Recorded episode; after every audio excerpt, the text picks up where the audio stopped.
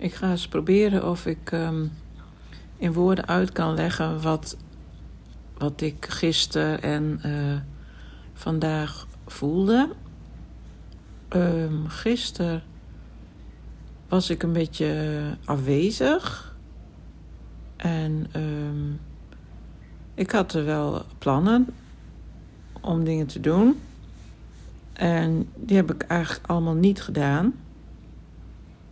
Um, en ik dacht, goh, uh, die dagen daarvoor had ik nog wel uh, zin in dingen en had ik energie. En nu had ik het ineens niet. En um, ja, ik was dus wat wazig en afwezig. En ik had echt geen idee, zoals dat zo vaak bij mij is.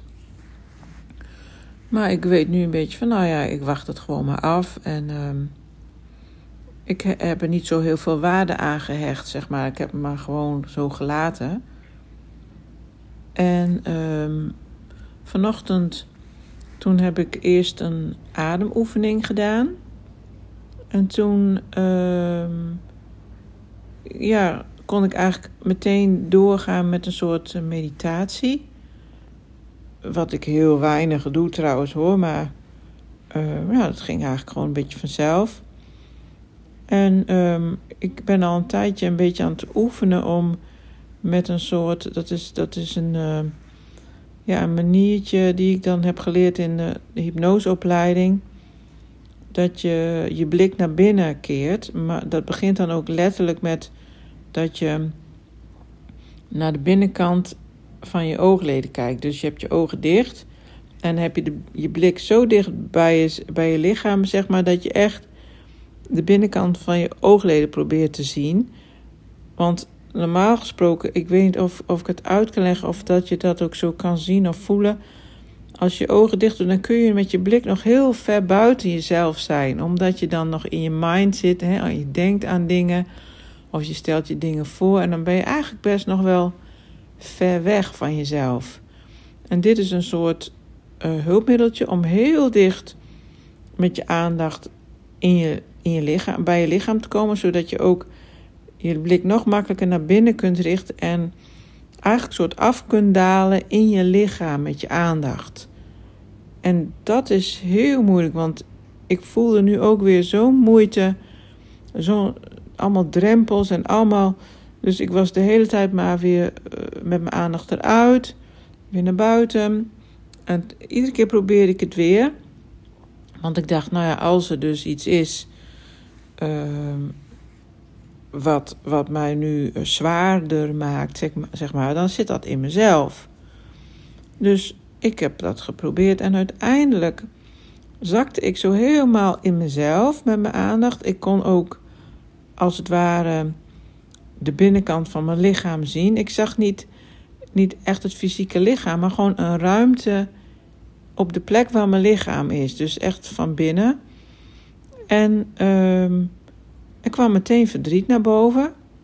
Ik weet niet waarvan, maar ik zag wel een, uh, een beeld. Ik, ik heb een beeld van. Um, ik weet niet of je die schilderijen kent van Gustav Klimt.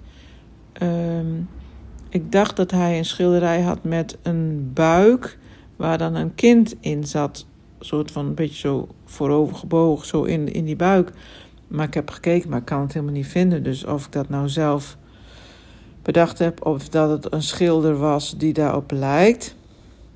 Maar ik kan het niet vinden. Maar um, dat beeld zag ik. En um, dus toen ben ik met mijn aandacht naar mezelf gegaan als kind. Een soort, net als je dat noemt, je, je innerlijke kind. En wat er toen gebeurde was heel verrassend. Want ik heb toen mijn innerlijke kind een kroon opgezet.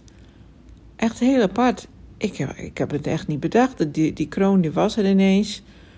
Ik heb het een kroon. En het was ook een koning toen. Het was geen koningin, het was een koning.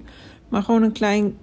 Ik zag mezelf wel als klein meisje, zeg maar. Maar dan met een kroon op. En dan was ik een koning. Geen koningin. Ja, en um, toen, toen uh, ja, raakte ik heel ontroerd. Want ik besefte mij dat ik um, dat eigenlijk niet doe. Dus geen koning maken van mezelf. Dus dit, ehm, oh, ik weet nu ook weer wat eraan vooraf ging. Ja, oh, wat goed dat ik het toch even over heb. Want ik daalde dus eerst af in mijn lichaam. En toen was het heel donker. En het was een soort diepe put, zeg maar. Ook echt met een, met een uh, stenen muur. Echt een soort stenen ehm, tunnel naar beneden toe. En die was helemaal zwart. En toen heb ik die eerste zeven wit geverfd. En toen kwamen al tranen bij mij. Dus ik verfde ze wit. En toen werden die muren een soort van. En er, kregen, er kwamen ramen in. En uh, op een gegeven moment verdwenen die muren. Eerst werd het zo transparant en toen waren die muren weg. En toen was het veel meer ruimte en opener. En toen kwam die kroon. En, en, en dat kleine meisje, dat was ik dan. En toen heb ik die kroon opgezet. En dat was echt van: um, jij bent de belangrijkste, of jij bent aan, uh, aan het roer. En dus jij bepaalt, jij, ben, jij bent de koning van mijn leven, bij wijze van spreken bedenk ik me nu. Maar uh, dat was, uh, zo ging het. En um, toen dacht ik, nou, dat zat blijkbaar toch verdriet. En er was blijkbaar toch nodig dat ik een soort contact weer maakte met mezelf. En ja, het was toch wel heel fijn. Ik was best ver weg ook in mezelf. En um, nou, dat heb ik dus gedaan. Ik, ik voel me nog steeds niet goed trouwens. Uh, of wat is niet goed? Ik, wat ik al zei, ik hecht er minder waarde aan. Het is ik ben nu minder vrolijk en minder energiek. Een beetje, een beetje van het liefst uh, ga ik gewoon een beetje lezen en een beetje niks doen. Maar goed, ik heb nog wat afspraken staan. Maar um, een beetje die mood, weet je wel. Van laat mij maar even, even met rust of zo. Of even in mezelf. Um, maar ja, ik zit er eigenlijk niet echt mee. Het is niet dat ik denk, oh nee, daar is het weer.